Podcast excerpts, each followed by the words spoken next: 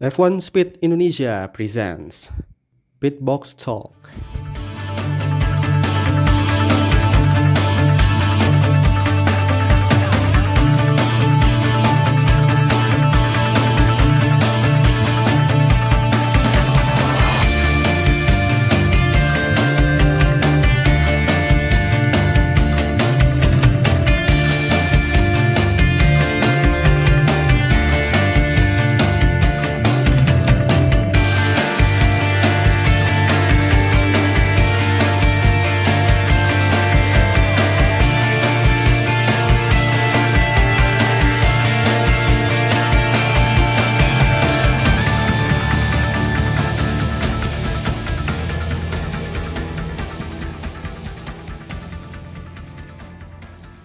Baik, kembali lagi di episode terbaru dari Pitbox Talk, podcast F1 Speed Indonesia. Uh, kali ini uh, gua Azim uh, take over lagi sebagai host. Um, di sini ada Aditya sebagai founder uh, F1 Speed Indonesia. Namun uh, kita belum bisa ini ya, uh, teman kita Alwi belum bisa bergabung untuk jadi jadi host podcast dulu karena sedang banyak kesibukan.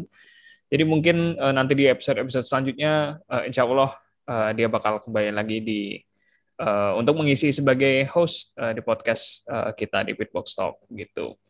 Nah, uh, akhir pekan kemarin nih ada dram drama lagi nih panas banget uh, di kolom komentar dan bahkan di semua uh, apa ya konten uh, kreator uh, Formula One yang uh, pada rame karena uh, kejadian yang ada di GP Italia gitu. Tidak hanya dari insiden antara pesaing uh, gelar juara dunia gitu ya di dua pembalap itu, tapi juga ada kemenangan McLaren yang uh, sangat sangat bikin surprise gitu. Karena uh, tidak ada yang membayangkan kalau McLaren ternyata sangat sangat kuat di, di track ini. Dan banyak juga kejutan-kejutan menarik lainnya di papan tengah seperti Ferrari yang nggak jelek-jelek amat ternyata di, di Monza gitu. Uh, mungkin kita mulai dulu ya pembicaraan dari yang paling anget nih yang soal uh, insiden antara uh, Verstappen sama Hamilton di turn one dan turn two uh, Monza itu. Nah, ini kan ke kalau yang uh, kemarin nonton full gitu uh, atau mungkin ini kita kasih recap juga ya yang mungkin nggak sempat nonton atau cuma lihat di medsos aja.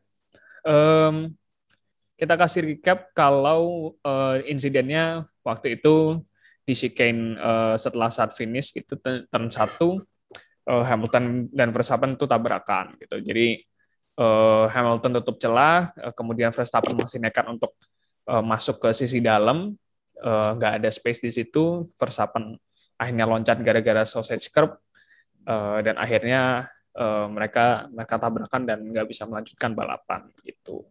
Nah ini eh, gimana Dit kira-kira? Apakah ini gara-gara penyebab pit stop pit stop lambatnya Max yang akhirnya dia harus eh, apa ya harus menemui Hamilton di di depannya? Atau karena eh, Hamilton juga yang mungkin ya pit stopnya walaupun nggak nggak cepet-cepet cepet-cepet amat eh, tapi nggak lambat-lambat juga gitu akhirnya uh, harus uh, keluar di depan Max Verstappen dan akhirnya uh, bisa kayak gitu itu apa ya dibilang itu kayak apa ya nikah itu kayak udah takdir itu ya kan ini tuh kayak udah takdir itu udah udah udah udah udah Allah ya, ya.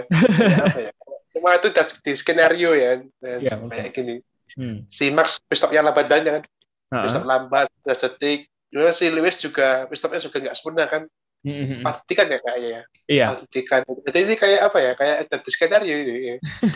kayak skenario, udah takdir lah ya kan hmm. banyak banget tabrakannya ya.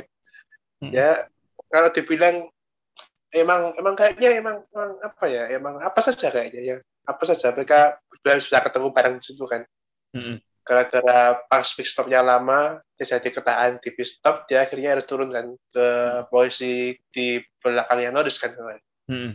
belakangnya Norris kemudian si Lewis juga pit stopnya nggak sempurna kan walaupun dia sebelumnya sebelumnya dia bisa bisa bisa apa ya udah bisa nyeret Norris kan ya hmm dia udah menyerap Norris akhirnya dia pit stop nggak sempurna empat mm-hmm. detik mm-hmm. ya habis itu ketemu sama Max ya ya is happen gitu loh emang yeah. kayaknya takdir sih itu kodarullah takdir kodarullah Oke lah kalau gitu. Eh uh, mungkin ya emang ini ya uh, Monza itu kayaknya tempat uh, race-race yang nggak terduga gitu dari dari tahun ke tahun. Um, kita lihat juga tahun kemarin gimana gimana uh, nyangka kita kalau uh, Pierre Gasly dengan Alfa Tauri bisa juara gitu dan hmm. sekarang ada kejadian begini lagi insiden antara dua dua pesaing juara dunia yang terdepan untuk juara dunia di musim ini malah tabrakan kan nggak ada yang nyangka gitu. Tapi untuk uh, detail kerusakannya itu eh, apa ya?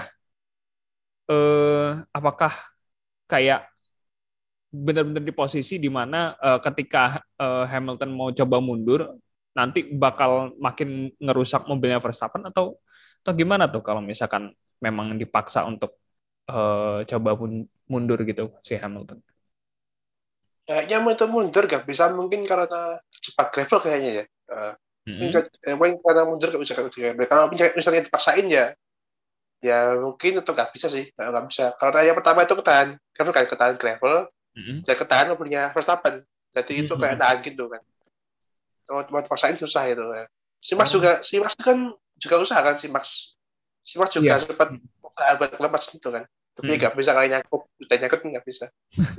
ya akhirnya ya mau nggak mau ya, ya udah DF ya. Oke oke. Tapi emang kelihatan sih si, si Max itu waktu itu usaha untuk uh, nyoba uh. ny mencoba majuin mobilnya dan kayak si moncongnya itu udah kayak masuk ke gravel tapi ban belakangnya kan memang rear wheel drive tuh kan ya si mobilnya. Uh. Dan dia itu nggak nggak di nggak di atas uh, nggak di atas permukaan gitu dia ngambang gitu. Ya, jadi uh, tidak bisa uh, DNF gitu uh, untuk kedua pembalap um, jadi tidak ada uh, poin untuk keduanya. Namun Verstappen unggul uh, 5 poin akibat uh, finish kedua di sprint race gitu ya. Dan ini jadi kayak pattern gitu. Uh, kema kemarin tuh uh, si siapa ya Martin Martin Brundle kah atau si Paul Di Resta kah yang yang ngomong uh, kalau kalau tiap ada sprint race uh, misal misalnya Verstappen Verstappen pole position uh, Hamilton nabrak Verstappen gitu. Pasti ada ada pattern kayak gitu gitu. Uh, kalau misalnya di trace ke ke Silverstone gitu kan dan Monza kita baru dua kali sprint uh, dan kejadiannya gitu gitu semua gitu. Nah, um, tapi untuk uh, permasalahan pitnya yang lama gitu uh, di sisi Verstappen itu sebenarnya uh, yang bermasalah apa itu? Uh, apakah di wheel gunnya atau ada memang kurang kenceng di di ini wheel nutnya atau apa tuh detail yang lu dapet gitu? Kalau detail resminya ini belum ya resminya resminya belum karena Red Bull memang belum buka soal pistoknya itu sih. Mm-hmm. Tapi kalau tidak lihat sih katanya emang itu kayak Wilken sih ya. Mm. Mayoritas kalau seperti itu ya mayoritas kayaknya Wilken sih mayoritas. Oh. Wilken. Okay. Kalau kalau gue ya Mas Afan ah, pas gitu aja. Mm. Mungkin tapi kalau kebanyakan kayak gitu Wilken. Oh oke okay, oke. Okay. Soalnya kayak uh, ngelihat dari uh, belakang tuh mekanik yang pegang wheel gun tuh kayak ada uh, ada bermasalah dengan entah itu lampu indikatornya untuk kalau ini udah selesai hmm. ganti ban atau gimana. Nah, tapi ya, ya oke okay kan sama, eh, sama dua kali kan itu sampai sampai kan kayak tiga kali kayak tiga kali pasang belikan pas lagi kayak gitu tiga, tiga kali kayak. Oh, baru yang tiganya baru ngepas gitu baru baru lolos Verstappen hmm oke okay lah kalau gitu. Um, itu mungkin perlu didalami lagi ya uh, untuk kita bagaimana detail dari Wilgan uh, yang jadi bermasalah apakah Wilgan atau apa gitu. Tapi yang jelas yang penting ini mungkin ini ya uh, jadi uh, jadi salah satu talking point juga setelah insiden itu bahwa Halo itu sampai sekarang memang uh, masih sangat bermanfaat dan masih menjadi solusi yang paling tepat buat uh, Formula One sekarang gitu karena uh, kita lihat buktinya uh, dengan mobil Verstappen yang naik uh, ke atas mobil uh, roll apa roll roll hood hoodnya uh, si Hamilton uh, dan itu kan ngelewatin halo.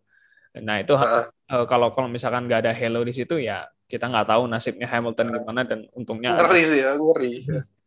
Ngeri sih itu kemarin lihat agak ngeri sih ya. Karena emang pas pas banget kan pas banget pas hmm. banyak itu pas lihat di atas kepalanya gitu kan. Hmm. dan dari kata halu ya kegiles tuh ya. Iya makanya. Kegiles karena emang bahkan ada ada ada Hello pun kemarin kan Hamilton sempat sempat apa ya kayak palanya pun juga kan juga kan ya, hmm, repet dikit dulu kita hmm. lihat ada di helmnya kan ada kayak bekas ban itu kan iya kayak ada lecet bekas ban gitu itu bayangin kalau nggak ada halo ya langsung ke Gilles ya, ya tahu lah Gilles ya. hmm. hmm, hmm. Oke, okay, iya benar sih. Uh, kelihatan banget uh, di belakang helmnya itu sampai ada bekas ban gitu. Nah, semisal uh, ada salah satu yang misalnya pit stopnya lebih benar gitu, apakah uh, apa insiden itu bisa dihindari gitu? Misalnya entah itu Hamilton pit stopnya lebih cepat dan akhirnya punya gap uh, di depan Verstappen lebih jauh atau atau justru Verstappen yang yang harusnya pit stopnya lebih normal dan uh, nggak harus berhadapan dengan Hamilton yang keluar dari pit gitu.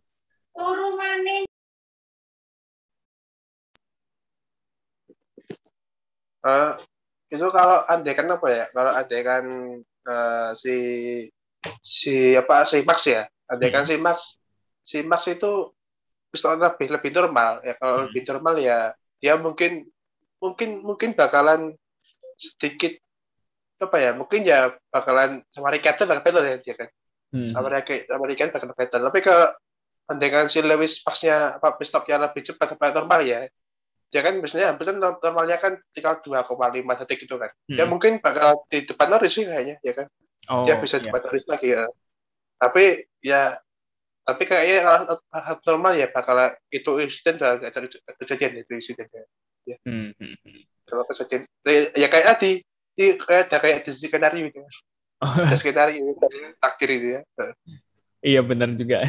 Kayak ya sudah itu memang sudah uh, dipertemukan di di tikungan oh, situ. Dipertemukan ya, sudah dipertemukan. Ya. Sudah dimaksudkan. Ya oke okay. kalau begitu. Uh, ya kalau misalkan tapi gue mikir juga kalau misalkan si Max Max Verstappen uh, pit stopnya lebih bagus ya, uh, dia juga nggak bakal stuck di belakang Norris gitu uh, dia mungkin punya punya gap yang lebih jauh dari Norris sehingga kalau misalkan Hamilton uh, ngepit gitu dan dia ada pas di pas di depan Norris dia Hamilton masih harus uh, ngejar Verstappen gitu dan Verstappen lebih punya track position di di situ unggulnya.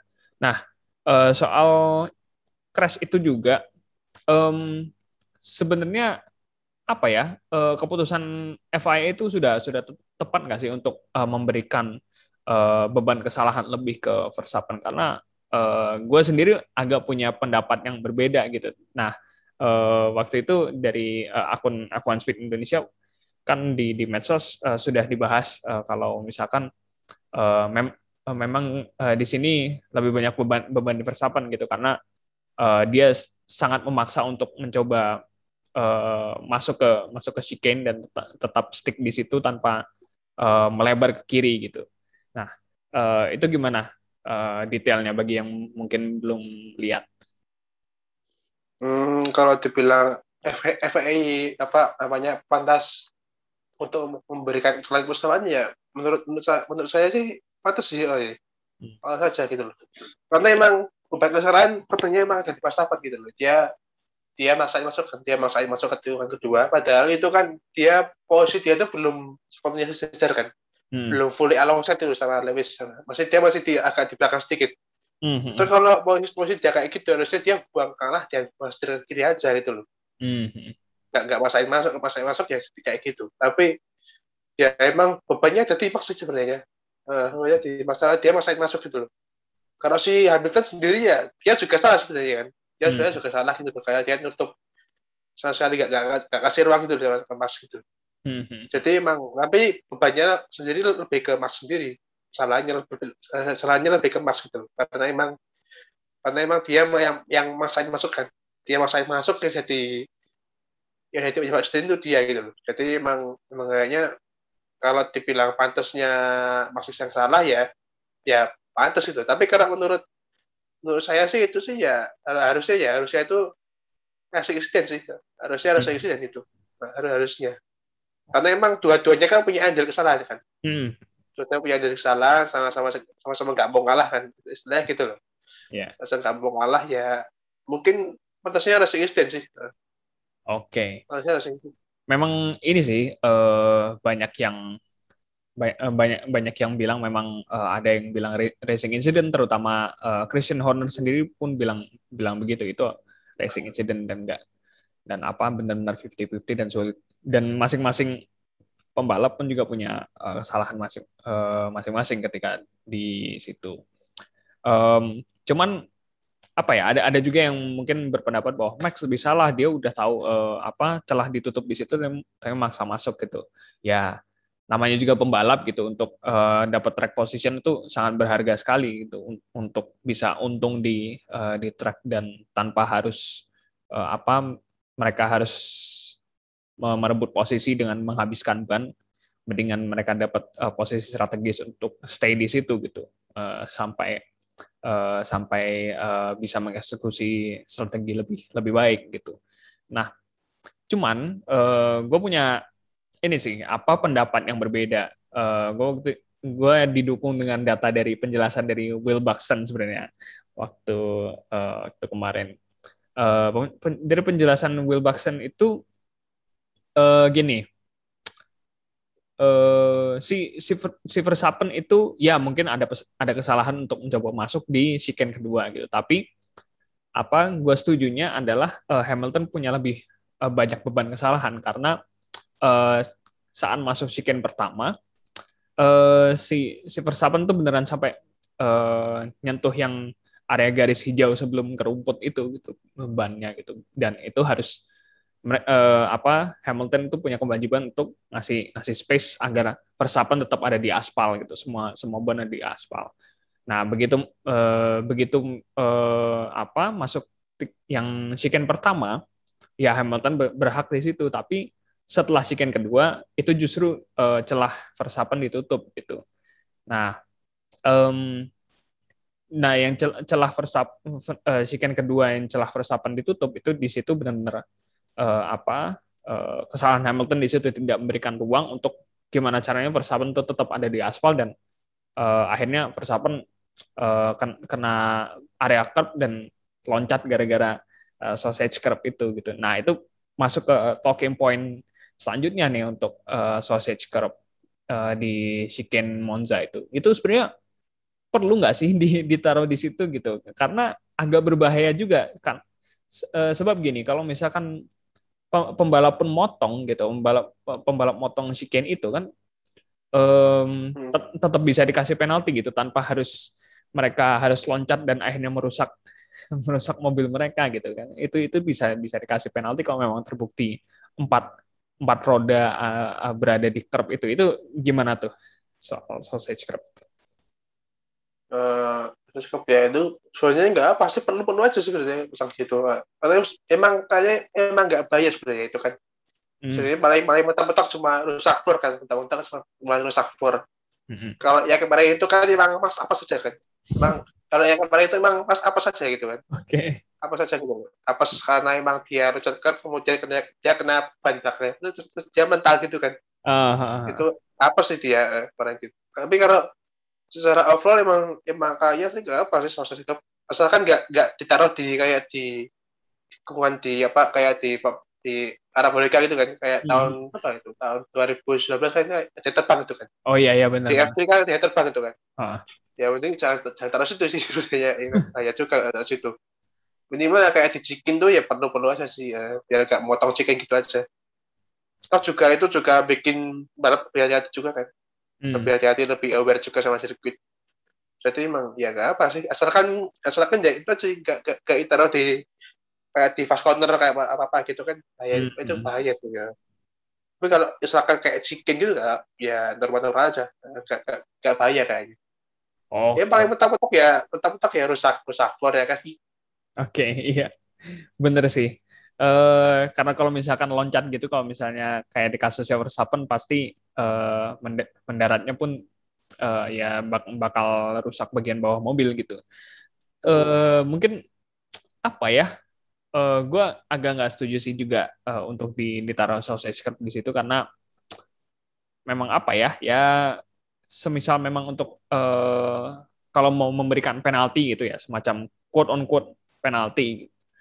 Uh, itu itu juga bisa dilihat di replay dan uh, apa ya semisal untuk motong chicken pun nggak nggak ke yang uh, area escape itu ke yang di sampingnya kan ada aspal terus ada kayak semacam polisi tidur gitulah speed bump gitu nah uh, kalau misalkan nggak nggak lewat situ dan akhirnya motong ke ke chicane pun ya uh, itu itu udah bisa kena time penalty gitu seharusnya tanpa harus pakai uh, sausage curb gitu. Karena bisa beresiko juga mungkin kalau misalkan terlalu keras ya entahlah ya ini yang mungkin terlalu pengandaian yang terlalu berlebihan itu uh, bisa kena suspensi atau gimana gitu. Itu masih debatable sebenarnya tapi uh, poinnya Ditya benar gitu um, apa sausage curb itu masih aman-aman saja kalau misalkan ditaruh di chicane dan tidak di tikungan cepat setuju nah kalau misalkan uh, efeknya terhadap persaingan gelar juara dunia nih gitu. Uh, kalau dibandingin dengan uh, beberapa perseteruan gitu di tahun-tahun ke belakang misalnya di uh, Heres 97 gitu, kemudian atau uh, Australia 94 uh, terus uh, apa Silverstone 995 gitu antara Schumacher sama Hill gitu kan. Uh, atau mungkin uh, Senan dan Prost waktu Suzuka Suzuka apa 90 uh, 9 90 ya kalau nggak salah. Nah itu eh, gimana nih eh, apa apakah kayak ini bisa nggak sih dua pembalap ini apa terus-terusan hmm, terus-terusan untuk eh, sangat agresif begini gitu apakah bakal aman gitu atau eh, bakal memberikan suatu ketertarikan sendiri adrenalin sendiri atau justru ini ini berbahaya gitu untuk baik tidak baik keamanan keduanya uh, uh, maupun respect antar dua pembalap dan dua tim gitu. Hmm. Kalau pengaruhnya ke ke, ke customer sih kayaknya sih ya pengaruh banget sih kan. Hmm. Kata emang kemarin kan apa ya kayak kemarin itu kan si Max di sprint posisi dua kan dia dapat dua poin si Lewis nggak nggak dapat poin di sprint kemudian pas, pas race dia nggak finish ya hmm. jelas hmm. itu ya lebih lebih untuk Verstappen sih kayaknya ya kan dua poin itu ya iya gitu. Tapi kalau dibandingkan dengan yang dulu-dulu itu atau kayak Sena Pros atau atau Summit di Adelaide 94 atau mungkin kayak kayak Diamond Hill apa kata Hill ya Pak? Si di Ceres 97 ya kan si uh, Summit sama Villeneuve itu. Uh. itu kayaknya masih jauh sih ini karena uh, emang ini kan masih apa masih di masih kurang 800 kan ini kan. Masih kurang 800 lagi masih istilahnya masih panjang lah ya kan masih masih banyak banyak hal saja jadi gitu loh. Tapi kalau hmm. kayak di Senapros itu kan di Lastes kan ya, di hmm. terakhir kan. Jadi kayak fix gitu loh kayak yang keras ya udah hmm. ada apa kan dia di Atira itu juga gitu mau di Jerez juga gitu yang paling yang paling dekat sih yang paling mendekati ya tahun 95 sih ya, ya kan hmm. 95 itu antara di GP Inggris tahun 95 dan GP Italia tahun 95 itu persis banget kayak gini lah ya kan uh, antara Sumi Sumi Daniel persis kayak gini. Hmm. Cuma bedanya waktu itu kan apa perbedaan poin antara Sumi Daniel itu paling jauh gitu loh ya kan, paling okay. jauh. Kalau ini kan masa malu kan cuma cuma lima poin aja kan, hmm. ya kan beda hmm. poinnya. Kalau terus sama Daniel itu sama kan, sampai hmm. 10 poin lebih kayak itu loh, bedaan poinnya. Dan juga hukumannya juga beda, hukumannya juga beda gitu loh. Iya. Kalau kalau sekarang kan apa di Max Lewis kan terus itu langsung langsung di on track hukumannya kan. Mm-hmm. Kayak di Lewis dulu kan hukumannya ya 10 detik ya kan. Mm-hmm. Kalau kemarin si Max bakal dihukum turun tiga kayak dulu dulu itu enggak. Yeah. Dulu GP Inggris 25 itu cuma cuma di cuma kasih warning dulu malah ya kan. Cuma kasih warning malah. Ada uh. sudah sudah sama ini salah ya. Iya. Malah, malah kasih warning. Lalu GP Italia Italia 95 si Hill Double Hill itu dihukum kan, dihukum respect dulu. Hmm. Respect, tapi kemudian batal entah kenapa kemudian batal gitu. Hmm. Nah, jadi emang bedanya ya ada kesamaan instan sama gitu tapi ada, beberapa hal yang beda-beda juga kayak posisi klasemen dan jenis suku kayak gitu. Nah. Oke lah kalau gitu. Uh, ini kayak kayaknya bakal ini sih uh, kita harus menyimak lagi nih apakah uh, bakal ada insiden sikut-sikutan lagi gitu uh, apakah Eh, masing-masing uh, pembalap bisa mengontrol agresivitas uh, mereka atau atau tidak karena uh, seperti yang kita tahu di di race race uh, belakangan pasti kalau misalkan ada on track battle uh, dua-duanya sangat sulit ngalah gitu karena uh, mental juara mereka yang uh, tidak diragukan lagi lah uh, mereka sama-sama pengen menang dan uh, pasti butuh uh, butuh apa ya pushing to the limit itu untuk keduanya. Nah itu mungkin se -se sekedar soal ini ya insiden waktu di GP Italia antara Hamilton dan Verstappen.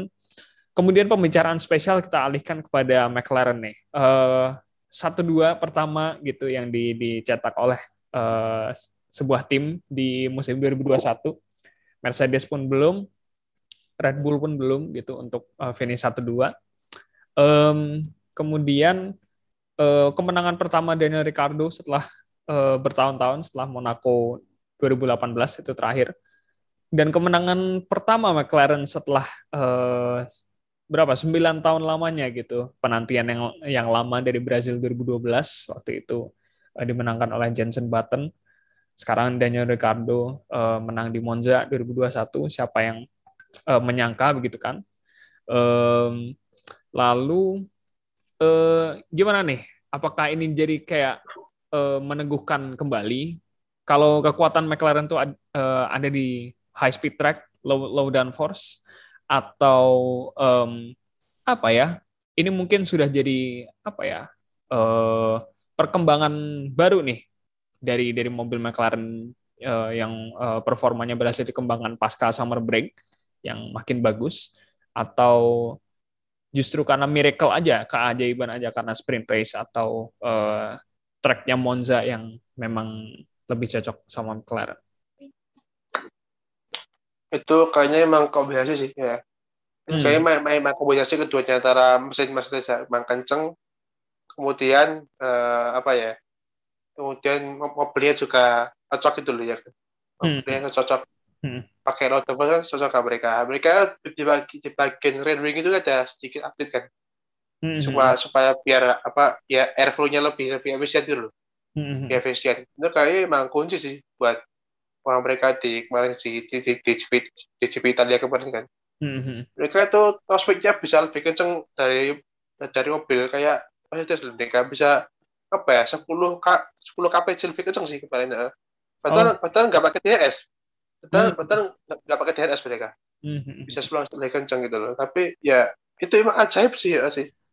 Kok bisa kenceng banget kayak gitu entah resepnya kok bisa 10 10 kpj lebih kenceng di eksklusif hmm. padahal mereka nggak pakai DRS juga kan hmm. nggak pakai DRS nih ya tapi emang kalau gini loh pak, pak walaupun andaikan aja si Max Lewis nggak insiden itu dia seri kita tak menang juga sih kan andaikan oh. si Max Lewis nggak insiden hmm. seri kita bakal menang juga kan hmm. karena emang emang kuat banget mereka di kali ini emang kuat sih hmm. dan ini ya uh, walaupun uh, Max dan Lewis misalnya nanti uh, apa waktu waktu itu nggak nggak insiden gitu ya memang sebenarnya udah uh, mereka udah jauh lebih unggul dari dari Red Bull gitu ngelihat ngelihat pace-nya lebih lebih unggul dari Mercedes.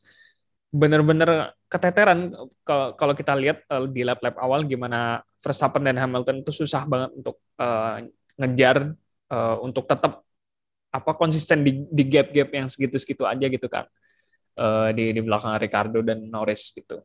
Um, tapi oke, okay, uh, eh, gimana nih kalau misal uh, dari dari Monza ini apakah uh, Ricardo ini sudah mulai menemukan jiwanya gitu di di McLaren? Apakah sudah merasa fit atau masih perlu step step by step lagi, adaptasi lagi atau ini kayak cuman one off performance gitu kayak cuman ya udah uh, one hit wonder sekali balapan ini besoknya uh, balik lagi ke ke form biasanya yang masih struggling itu gimana tuh?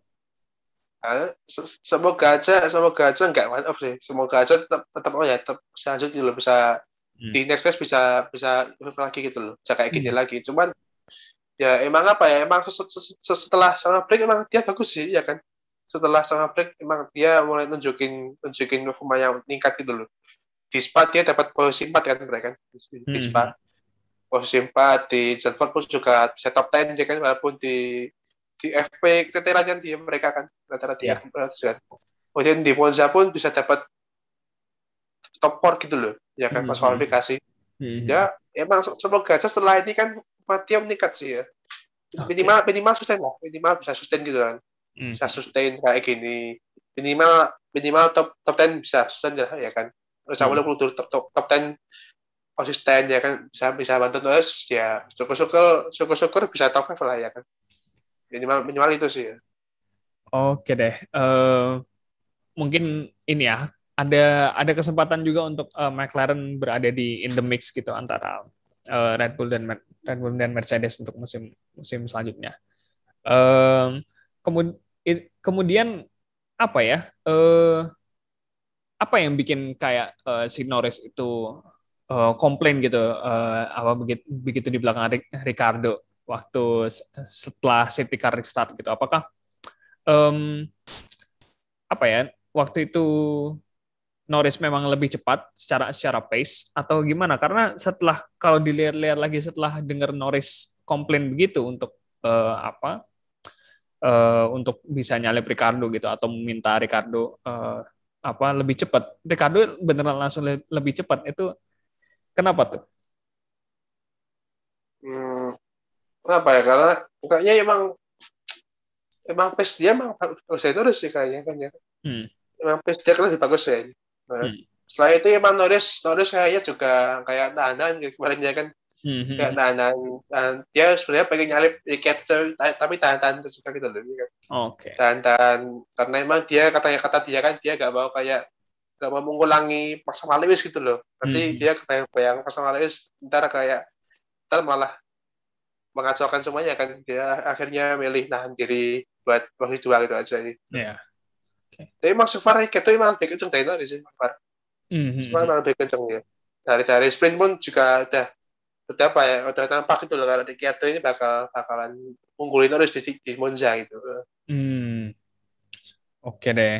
Dan ya kelihatan banget sih unggulnya si Ricardo gimana karena di pas finish uh, dia berhasil fase lap kan itu buat extra point buat dia hmm. dan itu keren banget Uh, ajaib, ajaib ngerti ya? Ajaib. Iya, benar-benar. Gak tahu-tahu loh, kok pas lap itu. Jadi ini sepanjang itu sih kayaknya ngeper lagi mana kok tata fase lap di lap terakhir gitu. Iya, makanya. fase lap di akhir. It, dan kayak apa ya sebenarnya juga kalau ngelihat dari dari awal sampai akhir tuh uh, konstan gitu pace-nya. Uh, uh, apa, apakah dia kayak mencoba untuk menyimpan ban sengaja untuk uh, last lap itu atau gimana kita lap nggak tahu lah itu ternyata tapi iya. Tapi juga loh kok lap gitu loh paket sih kemarin. Ajaib ajaib emang bisa uh, finish dan habis itu fase lap gitu. Udah dapat 26 poin uh, setelah uh, Monza itu. Ricardo bangkit dari dari keraguan uh, keraguan dirinya di McLaren gimana uh, dan menjawab keraguan-keraguan dari orang lain gimana.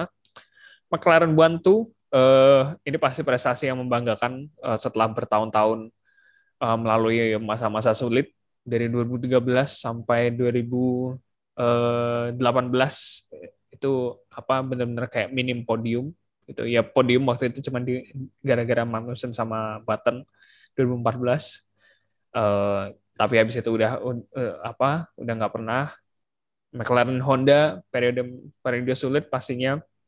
Kemudian ada rebuilding di di bawah Zac Brown sejak, sejak diambil alih tahun 2017 2018 efektifnya um, but, uh, baru barulah sekarang uh, pelan-pelan podium lalu ada kemenangan gitu first one tuh buat uh, tim McLaren setelah bertahun-tahun dan di tim F1 2021.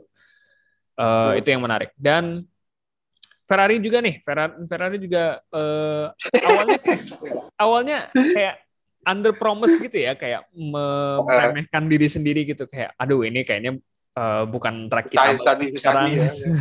udah udah sengaja untuk merendah gitu. Eh tahunya mereka nggak jelek-jelek amat gitu. Mereka berhasil uh, finish di top 10 gitu. Kirain bakal terseok-seok sampai ke papan tengah.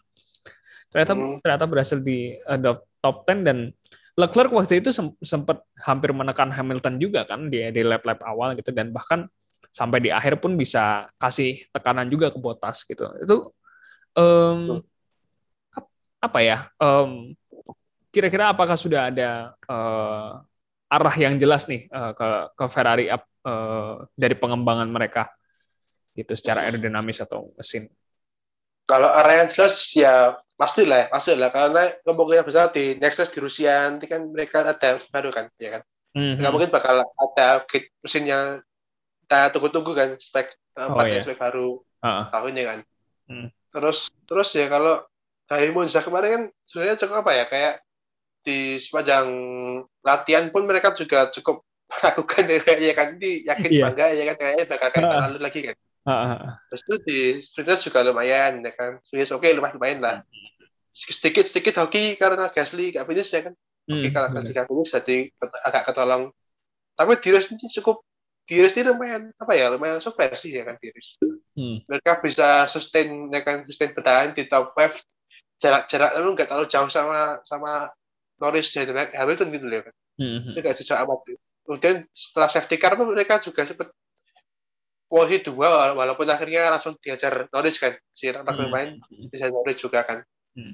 tapi bisa yang bikin surprise tuh ya bisa tahan di sana terus gitu bisa nempel hmm. terus dan yang bikin surprise tuh itu bisa nempel terus di belakangnya Bottas juga kan hmm. walaupun ya itu sebenarnya sebenarnya apa ya kalau menurutku sih itu kayak nempel aja gitu nah, nempel nempel aja kalau misalkan lepas dikit ya langsung ambil ke belakang gitu ya kan namanya juga kan kayak yeah. gitu itu cuma nempel aja karena emang mesinnya pun juga nggak kuat buat urusan tanpa Steve itu tanpa hmm. itu ada kan nggak ada Steve itu mereka nggak kuat kan iya benar benar kalah kalah coba kan mereka hmm, hmm, hmm. ya makanya kemarin sih emang apa ya di satu sisi itu surprise ya kan bisa hmm. bisa nempel terus di, di satu sisi juga ya maklum lah namanya juga dapat stream kan juga bisa nempel gitu tapi iya. ya so far sih so far ya lebih baik dari musim lalu sih ya. Iya. Musim lalu kan ya you know lah dua balapnya kayak kayak finish hmm. juga kan. Vettel Vettel Vettelnya remplung ya kan tahun lalu kan. Iya benar. Oh, si Leclerc malah nabrak waktu itu gara-gara oh, gara-gara entahlah ada dinamika kah atau itu. Nah, eh ya itu eh, akhirnya Ferrari eh, walaupun sudah mencoba merendah eh, apa untuk tidak apa tidak membawa ekspektasi berlebih gitu kepada kepada mereka akhirnya justru mereka melebihi ekspektasi gitu uh, menurut kami gitu karena uh, apa ya dikiranya bakal terseok-seok gitu bakal di belakangnya Aston Martin lah atau apa gitu. Uh, ter tapi ternyata bisa bisa keep up juga dan ketolong safety car gitu. Uh, untungnya untungnya untungnya begitu. Nah eh, itu itu sekedar uh, dari Ferrari. Semoga nanti uh, di ke, di ke depannya bisa bisa untuk bisa coba challenge lagi dengan dengan perkembangan mesin baru. Spek 4 di, di di next race di Rusia um, tapi apakah bakal kena grid penalty gitu untuk bawa spek baru ini kayaknya iya sih ya terutama Sainz eh semua sih semua kayaknya ya karena hmm. emang semua udah mentok tiga mesin dipakai semua kan Hmm. Kalau mau baru ya harus ambil baru ya penalti auto dari belakang sih kayaknya. Oke, okay. kalau gitu. Nah, uh, mungkin gue mau coba bahas soal ini uh, format sprint race waktu uh, waktu kemarin kita kita akhirnya ke, uh, kedua kali mencoba format sprint race, sprint qualifying atau apa pun itu yang yang mau uh, mau bilang bilangnya apa gitu untuk penentuan grid hari Minggu dengan dengan uh, balapan sprint singkat gitu di di hari Sabtunya. Uh, ada beberapa banyak kritik nih uh, dari Sergio Perez sama Fernando Alonso waktu waktu kemarin. Sergio Perez bilang ini boring, nggak nggak ada poinnya karena uh, apa semua uh, kalau misalkan udah pembalap udah lari semua uh, berlap-lap gitu uh, belasan lap itu buat apa gitu. Uh, hmm untuk uh, mereka melakukan sprint. Sementara Alonso uh, menanggapi uh, kualifikasi di hari Jumatnya ya yang uh, sempat chaos juga ternyata um, hmm. karena banyak antrian. Nah, uh, dia uh, dia bilang bahwa uh, just, uh, justru kalau untuk di track kayak gini mendingan balikin balikin lagi uh, one shot qualifying gitu. Uh, kayak gitu. Nah, itu uh, gimana Din? Apakah nanti F1 bakal terbuka dengan uh, perubahan itu atau uh, justru kayak uh, apa yang mempertahankan sprint apa adanya dengan sekarang? kalau buat apa ya kalau buat si argumen Perez sih setuju sih ya nah, aku setuju hmm. karena buat argumen Perez sih karena hmm. emang emang buat kemarin sih kayaknya emang agak boring sih ya, ya, ya di, di, di, di Italia ini sebenarnya kayak agak, agak boring gitu loh. Hmm. Oke, buat next mungkin buat diubahnya mungkin untuk Perez sendiri apa ya kayak misalkan durasinya agak panjang dikit lah ya kan jadi mungkin 45 menit ya kan mungkin bisa lah ya kan mm-hmm. 45 menit mungkin bisa lebih seru atau mungkin sistem poinnya mungkin top 10 10 poin gitu kan mm-hmm. 10 poin untuk top 10 itu kan bisa juga kan ya yeah. Bisa juga itu oleh untuk Alonso sih maksud kayak dulu kan kayaknya udah pernah tak bahasan nih tuh maksud ini kan pernah yeah. kayak kayak pendapat pendapat kurang dulu pernah kan uh-huh. kayak Iwan Iwan Q2 biasa aja kan Iwan Q2 mm-hmm. itu normal hmm. kayak kayak biasa kayak kayak biasa gitu kan kemudian untuk Q3 itu kan bisa aja kan dikasih WhatsApp bisa kan gitu kan Q3 yeah. hmm. kasih WhatsApp kan bisa kayaknya itu bisa bisa seru sih kayaknya buat kalau misalnya di Q3 WhatsApp WhatsApp gitu kan bisa seru, seru sih hmm, hmm. jadi misalkan Q3 Q3 itu kayak apa ya kayak kayak top 10 shoot atau, atau mungkin Super Bowl top 10 kan bisa gitu kan hmm. Nah, mungkin untuk Alonso setuju sih ya Oh. Kalau misalkan membalik masuk, tapi enggak tapi enggak full full masuk dulu. Jangan oh, jangan full masuk qualifying. Q1, oh. Q2 biasa dan Q3-nya masuk gitu aja. Oke, okay, tapi sih, tapi kalau misalkan dengan one shot itu, uh, apakah dengan uh, perlu sprint racing juga gitu, atau kayak cuman ya udah dengan format weekend yang kayak biasa kayak Jumat free practice, kemudian Sabtu qualifying, uh, uh, apa minggunya minggunya balapan gitu tapi qualifyingnya ya itu tadi dengan format Q1 Q2 biasa Q3 one, one shot gitu hmm. ah apa ya kalau kalau format hari sih kayaknya lebih lebih enak kayak itu apa ya kalau cepat tuh kayak bisa aja gitu loh kayak cepat tuh kayak F1 F2 kan mm -hmm. latihan semua full full latihan gitu loh full latihan bebas tuh mm -hmm. Sabtu Sabtu nanti bisa silakan Sabtu agak siangan itu kan jam satu itu apa atau jam 12 itu kualifikasi biasa ya kan? Ya. Kualifikasi biasa atau kemudian sorenya jam tiga jam empat itu baru baru speed race itu kan bisa kan? Mm-hmm. Kayak di kayak di Silverstone dulu kan kayak gitu kan. Mm-hmm. Yeah. agak agak malam gitu kan, agak agak sorean gitu kan mainin sana. Mungkin bisa sih kayak gitu sih. Uh, next time bisa kayak gitu. Uh, agak gimana juga itu misalkan hmm. baru apa buat tuh apa baru EP1 terus hmm. kemudian langsung langsung kualifikasi kan agak gimana gitu kan ya. Gimana yeah. kok ya kasihan cukup balap ya kan kasihan cukup balapnya pas baru latihan sekali langsung disuruh kualifikasi gitu kan kayak hmm. keburu-buru gitu loh ya kan oke okay, oke okay. mungkin next time bisa lah mungkin untuk hari Jumat itu full latihan bebas satunya tuh kualifikasi dan sprint race itu kan bisa lah ya hmm. kayak lebih apa ya lebih enak aja lihatnya gitu oke lah kayak gitu tapi juga uh, tapi emang juga aneh sih kalau setelah kayak kualif setelah kualifikasi masih ada free practice lagi gitu. Kayak gunanya gunanya data yang dari free free practice pertama apa gitu. FP2 ya guna itu FP2 ya nggak guna apa sama sekali itu kan iya makanya. Memang FP2-nya kan udah apa udah di kondisi performer ya kan. Uh, uh, uh, benar. nggak boleh otak atik mobil ya kan. Ya apa ngapain? Iya makanya. Bazir. Uh, itu dia. Uh, mungkin masih perlu ini ya, uh, masih perlu digodok lagi gitu. Mungkin uh, dari Ross Brown, kalau dengar podcast kita, uh, silakan monggo Pak untuk dicatat uh, saran-saran kami gitu. Itu nggak mungkin sih Ross, Ross Brown mana mana ngerti.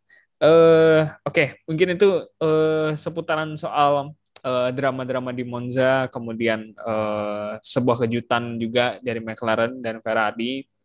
Um, saran soal uh, sprint race, input dari pembalap gimana, dan kemudian untuk uh, next race kita bakal ada di Sochi uh, di di minggu depannya. Mungkin uh, ini jadi episode yang tidak terlalu panjang uh, dari dari kami karena pembahasannya uh, dari dari situ-situ aja gitu kan karena ya ya udah uh, apa insiden yang lagi hot McLaren juga yang uh, lagi di atas angin karena uh, kemenangan gitu.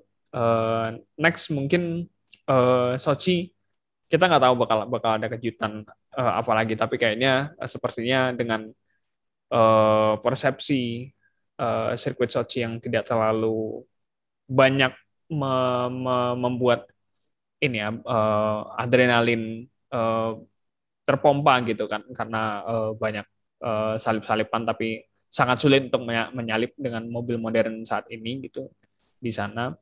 Jadi um, kita tunggu saja bagaimana uh, uh, drama-drama yang disajikan di Sochi apakah ada?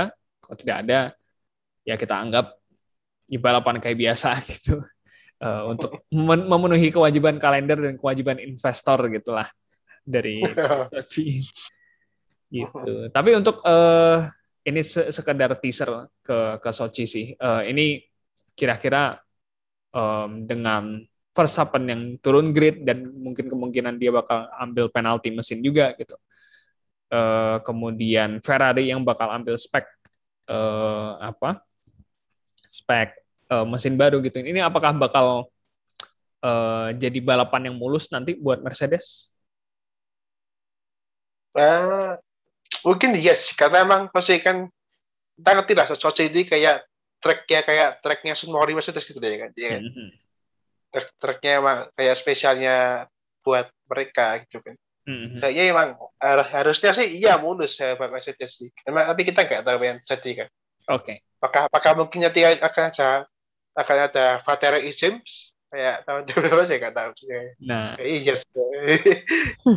nah, tapi tapi itu sih kayak buat Max kalau emang mau pengen ambil ambil grip penalti ya sekalian dikasih aja gitu loh ya kan? Hmm. karena emang entahlah mungkin somber di strategi mungkin sih Hamilton bakal ambil juga sih ya. bakal ambil juga penalti juga hmm. main di Monza Bottas sudah mungkin next Hamilton sih kayaknya tapi nggak tahu kapan tapi tapi jelas-jelas dia bakal ambil penalti sih oke okay. nah, emang nggak mungkin lah nggak mungkin mereka bisa nyesain mesin ini pakai pakai tiga tiga musim aja nggak mungkin lah. Mungkin bakal ambil juga dia iya. Karena total mau 23 balapan gitu walaupun satu satu slot masih belum confirm nih. Uh, jadi masih untuk sementara 22 balapan dan nggak mungkin juga untuk pakai tiga tiga mesin doang gitu. Uh -uh. ya.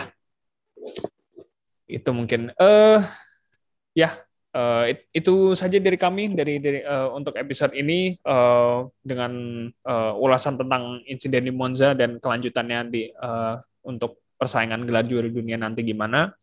Uh, selamat bagi tim McLaren uh, untuk uh, menikmati kemenangan pertamanya setelah bertahun-tahun sebuah hasil kerja keras dari uh, Pak Zack Brown dan Pak Andreas Seidel yang uh, sa sangat bagus mengikat tim uh, legendaris McLaren untuk kembali ke jalur kemenangan lagi gitu. Semoga tetap konsisten. Uh, Ferrari juga uh, improve di, balapan-balapan selanjutnya. Begitupun dengan uh, dengan tim-tim selanjutnya kita kita tunggu kejutan-kejutan lainnya selain Alpine dan, dan Esteban Ocon, kemudian George Russell dengan Williams-nya gitu. Oke, okay. uh, kalau begitu uh, kami cukupkan Uh, ikuti terus uh, di channel-channel media sosial kami, Instagram dan Twitter, dan juga YouTube. Uh, ada video-video baru yang kami uh, upload soal Monza kemarin, tidak hanya soal insiden, tapi juga tentang fakta kemenangan uh, Daniel Ricciardo dan McLaren di Monza kemarin. Uh, ikut, uh, pokoknya ikuti terus kita. Uh, tunggu episode-episode selanjutnya dan see you, stay safe semua.